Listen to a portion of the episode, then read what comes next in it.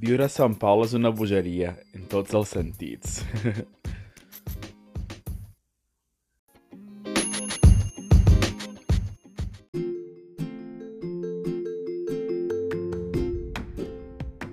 Hola a tothom, comença ara el Rubito Parla Català.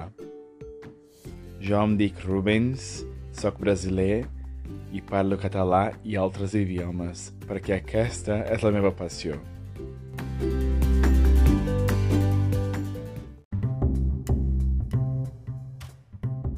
Avui parlarem una mica de Sant Paulo i de com és viure a aquesta ciutat tan gran i diversa. Perquè, de fet, és una bogeria.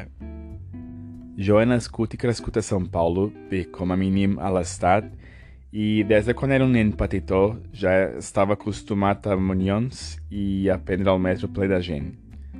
Aquí, a aquesta ciutat, on se vol que vagis hi haurà gent. No... La veritat és que no hi ha llocs on no hi hagi gent caminant, xerrant, uh, cantant, fent soroll, perquè els brasileros, nosaltres, la veritat és que som molt sorollosos. I estic acostumat amb això des de quan vaig néixer, bàsicament. Jo vaig viure a la ciutat de São Paulo, capital de l'estat amb el mateix nom, fins als meus 10 anys, quan em vaig moure a un poble petitó a l'interior de l'estat. Un canvi immens, de fet, perquè imagineu-vos que viviu a la ciutat més gran del país i de sobte esteu en un poble molt petitó amb animals i, i plantes i sense edificis alts. Doncs és un, és un puta canvi. Ara, després de crescut, als meus 27 anys, he tornat a viure a Sant Paulo per a treballar i, com li passa a tothom que viscut anys fora d'aquesta ciutat, vaig tenir un xoc cultural immens quan vaig arribar per la segona vegada. Sant Paulo és un lloc molt dinàmic, ja, ja sigui culturalment o, no sé, en, en termes de, de ciutat també. Uh, ara hi ha més mobilitat, hi ha de metro, tot que encara siguin poques, i hi ha més busos, la veritat. Que, bé, la ciutat està millor en molts aspectes, però també pitjor en alguns. I avui us explicaré el que m'agrada i el que no suporto d'aquí, perquè, bé, tot és un equilibri, no? Ninguna ciutat mai no serà perfecta, i així és Sant Paulo, imperfecta però fantàstica.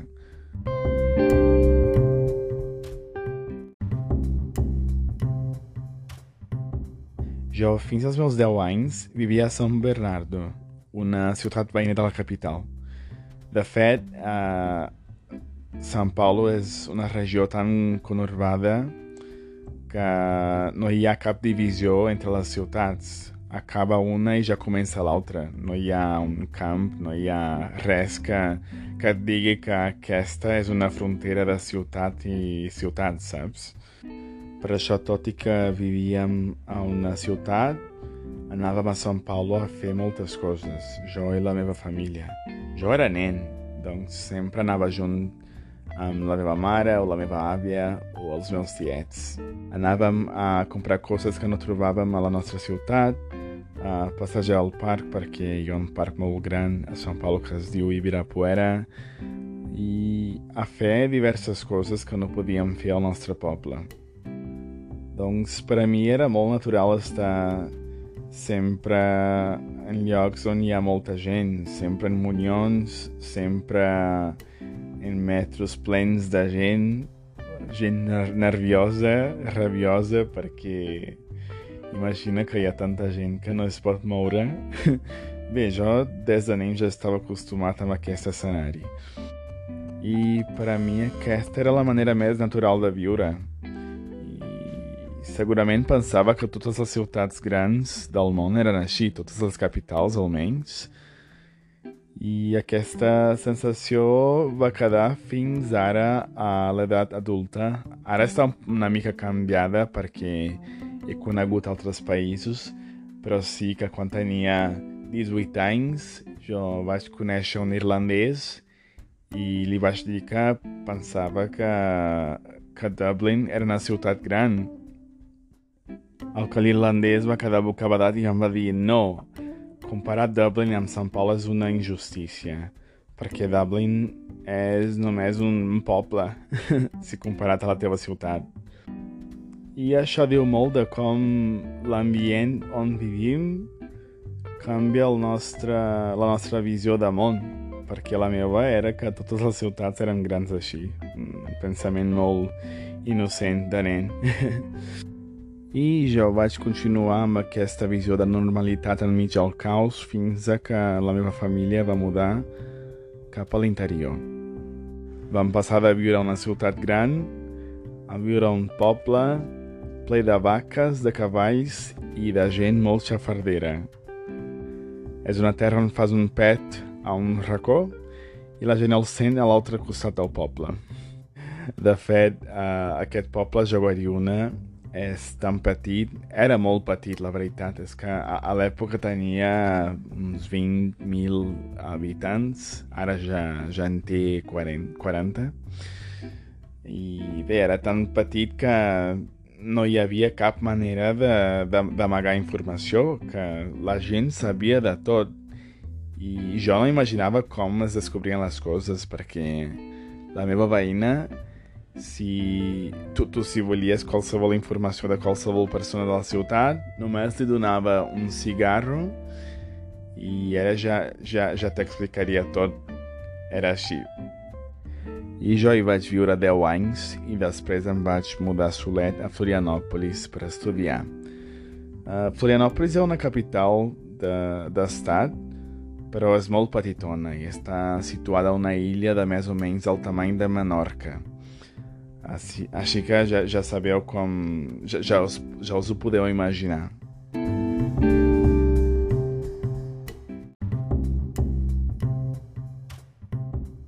I a Florianòpolis, tot i que sigui una capital, també hi ha problemes comuns uh, semblants als de Jogariuna, als de Poble Petit, perquè la illa està dividida en barris diferents i cada barri és com si fos una burbulla. I jo vivia al barri Trinitat que és el barri dels estudiants del meu campus de la universitat, o sigui que tothom es coneix. I res, que vaig quedar a Florianòpolis dels 21 als 27 anys i després vaig tornar ja adult a São Paulo per a viure i treballar. O sigui, la ciutat que vaig trobar quan vaig tornar, uh, és a dir, São Paulo, era totalment diferent de la ciutat de quan jo era petit. A quina falta em fan les platges i la naturalesa de la illa. Però ah, com volia viure a una ciutat gran amb milers de possibilitats de coses per fer i diversitat humana. Honestament, avui dia prefereixo la diversitat humana i cultural a les platges. És que Florianòpolis, tot i que sigui un, una ciutat molt bonica, no, no ofereix res en termes de, de, de cultura, de, de coses per a fer. Es pot dir que la ciutat està completament uh, gourmetitzada, és a dir, molt gentrificada, i que fins al transport públic no és tan accessible, o sigui que hi ha, hi ha només autobús i, i n'hi ha molt pocs perquè per anar d'un costat a l'altre de la illa tardes hores si vas en autobús. I també s'ha de dir que la cultura local no m'agradava gens. És una cultura d'exploració una cultura de segregació, una cultura d'acusar la gent d'altres llocs que ve a la ciutat a viure de, de venir per robar feina. O sigui, totalment xenofòbica. I aquesta va ser una de les raons que, que em va agradar molt tornar a Sant Pol, perquè volia viure a un lloc amb una mentalitat més oberta, més humana, la veritat és que sí, més diversificada que Florianópolis. I avui us explicaré alguns aspectes de São Paulo que m'encanten i alguns que odio perquè res no és perfecte i São Paulo no hi és cap excepció.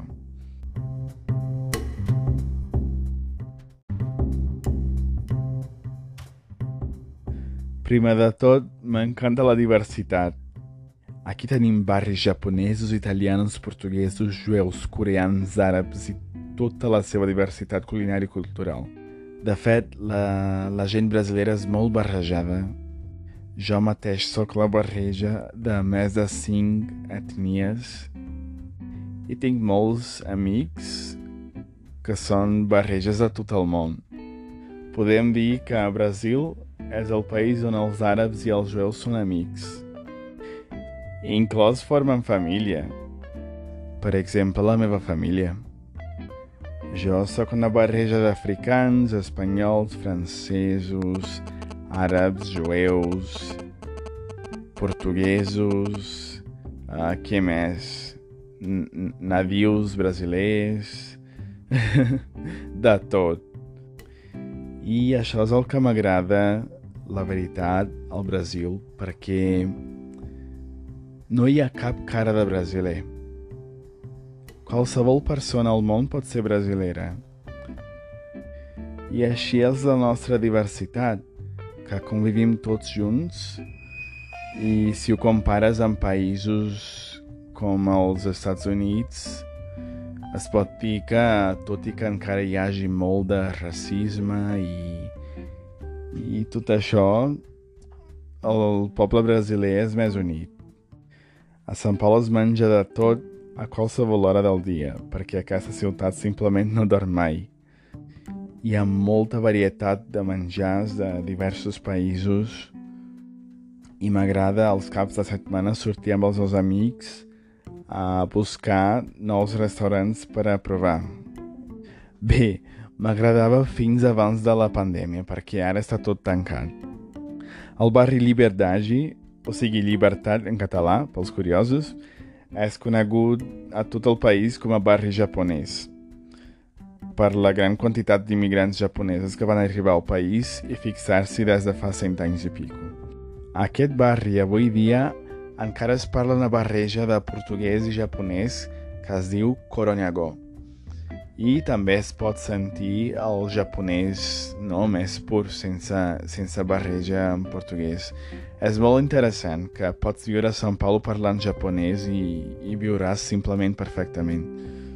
I la veritat és que avui dia hi ha més xinesos que japonesos al barri, perquè molts japonesos van quedar rics després dels anys 80, que és quan van tornar al Japó per treballar, perquè imagineu-vos que treballar al Japó era molt més, com es diu, recompensant que treballar al Brasil.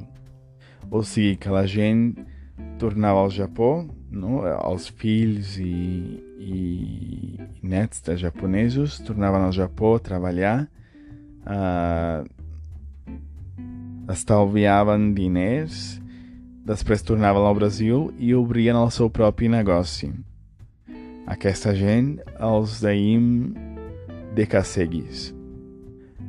Però bé, els millors restaurants japonesos encara hi són al barri i m'encanta que s'hagi esdevingut en una mena de barreja de cultures brasilera, japonesa i xinesa, o sigui que és un barri molt interessant en, termi, en termes culturals. Al centre del barri hi ha una plaça, la plaça Liberdade, on tots els dissabtes i diumenges es fa una fira de productes i cuina japonesa. Bé, no solament japonesa, també hi ha cuina xinesa. De fet, a, a Liberdade, aquesta fira, hi podeu trobar el pastel, que no és el que esteu pensant, sinó una, una mena de cuina xinesa que mai no ha existit a Xina i que va ser inventada al, al Brasil pels xinesos. I la llibertat, tot i que consagrada amb aquesta imatge de barri asiàtic i centre cultural, bé, la veritat és que cap visitant no imagina el seu passat obscur. Poseu-vos ara aquesta qüestió per un segon. Per què un barri es diria llibertat? Bé, tindria alguna cosa a veure amb la independència del país o la llibertat dels esclaus? Normalment, com a brasilers, intuiríem això, però no, la història verdadera del barri és molt diferent. Fins al cap del segle XIX, més precisament l'any 1991, la plaça era coneguda com a plaça de la Forca i, com suggereix el nom, era el lloc on s'executaven els esclaus i criminals. O sigui, no era un lloc tan simpàtic com és ara. De fet, la gent que era executada a aquesta plaça era enterrada molt a prop uh, pel barri, de debò.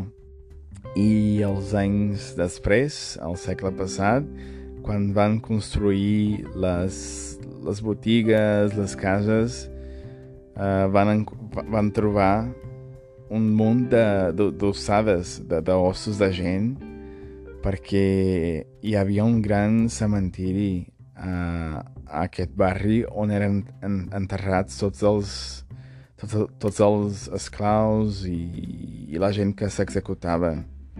O sigui, que no té una història tan, tan bonica, tan de llibertat, la veritat.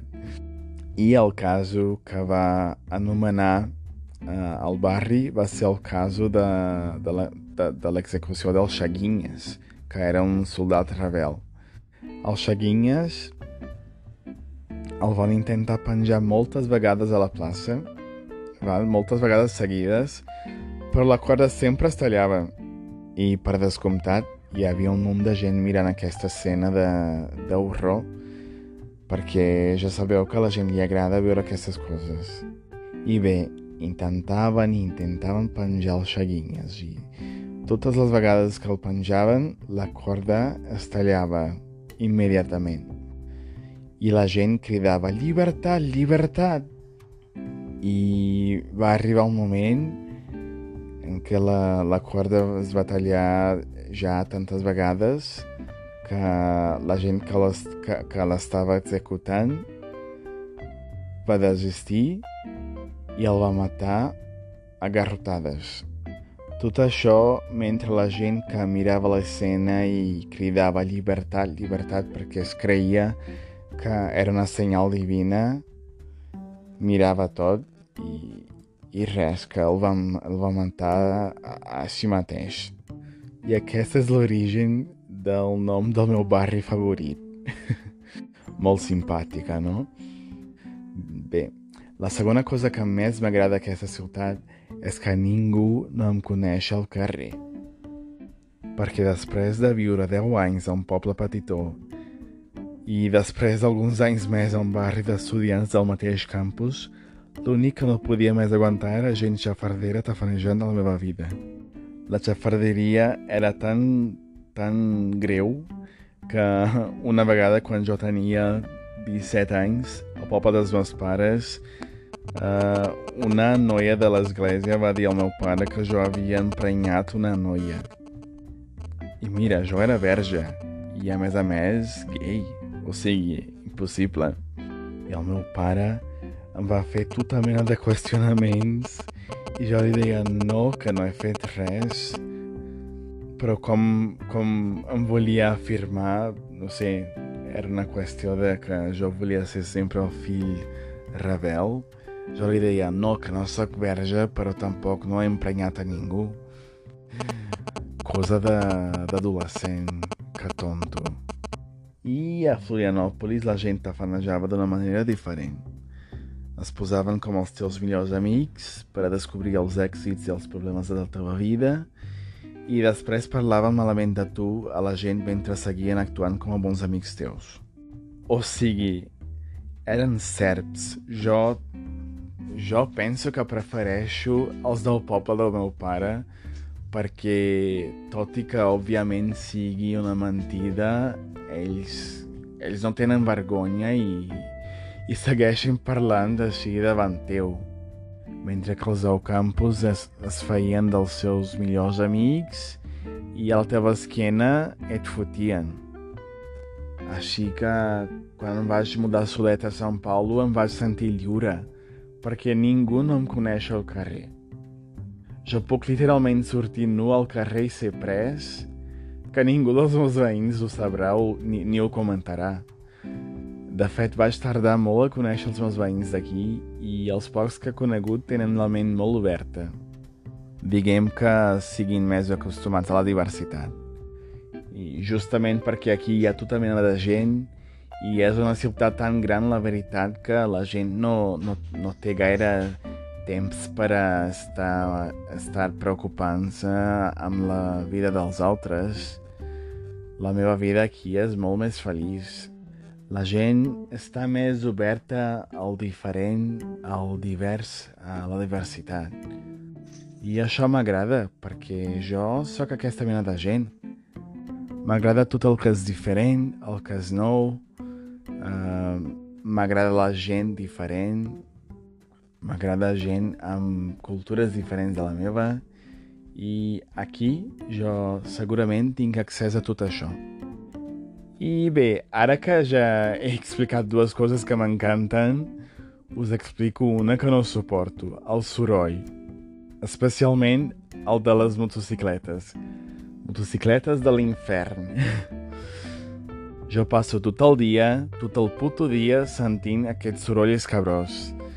Aquí molts motociclistes removen el filtre d'aire del tub d'escapament només perquè li agrada el soroll que fan les motos sense filtre. Tio, això és ridícul. Si plau. Això hauria de ser prohibit, honestament.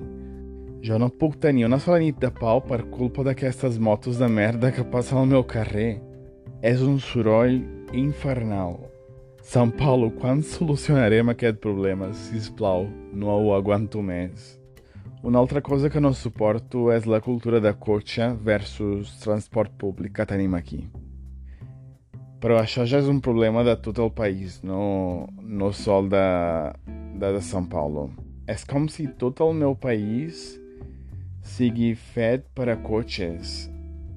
I això genera molts problemes. Per exemple, el que sento amb la meva pròpia pell, perquè jo, jo la veritat és que visc a 5 quilòmetres de la meva oficina.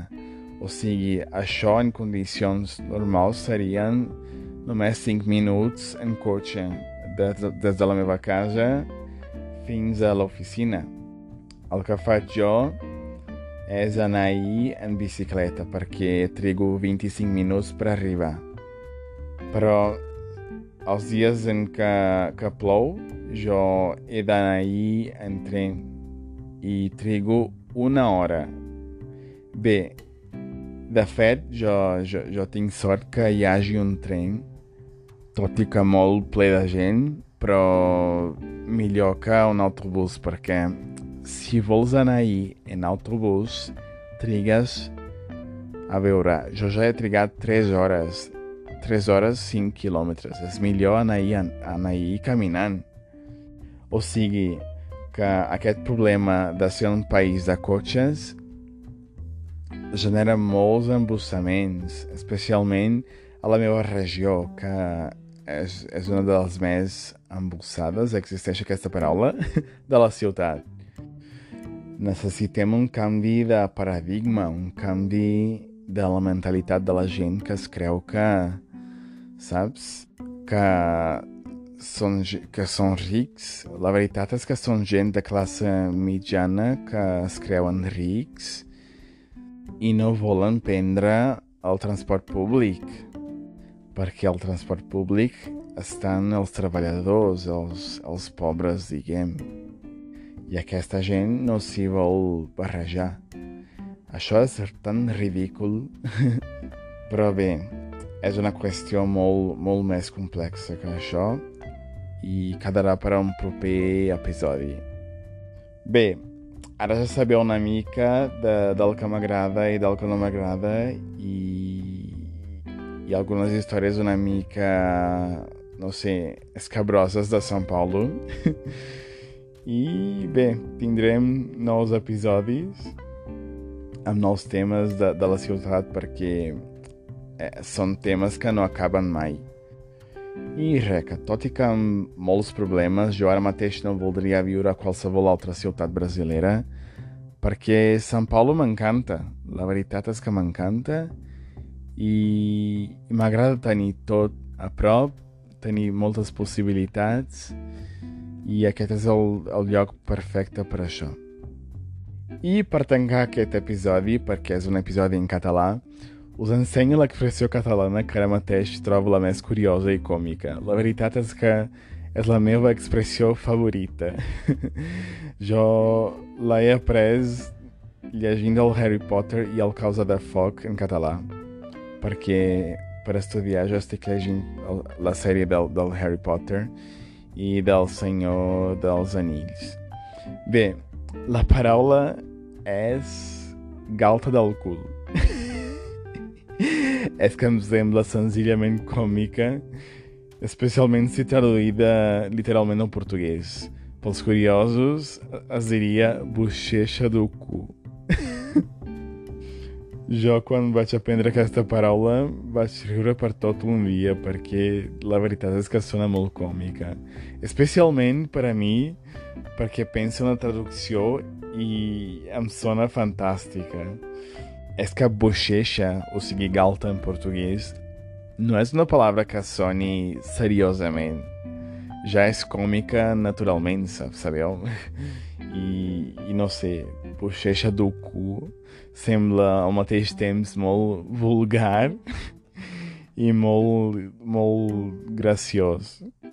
La veritat és que al Brasil també tenim moltes expressions interessants i us ensenyaré algunes els propers episodis, però vosaltres, els catalans, és que sou els amos de l'expressió.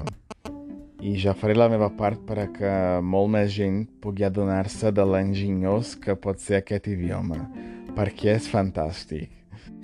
Jo tanco aquest episodi amb una pregunta. Segons vosaltres, quina és l'expressió o paraula més graciosa del català? Em podeu compartir les vostres paraules més curioses i còmiques uh, al meu correu, que podeu trobar a la descripció d'aquest episodi. Doncs us desitjo una bona setmana, de fet, un bon cap de setmana, i, i res, una abraçada a tothom i fins la propera vegada. Adeu, ciao, ciao.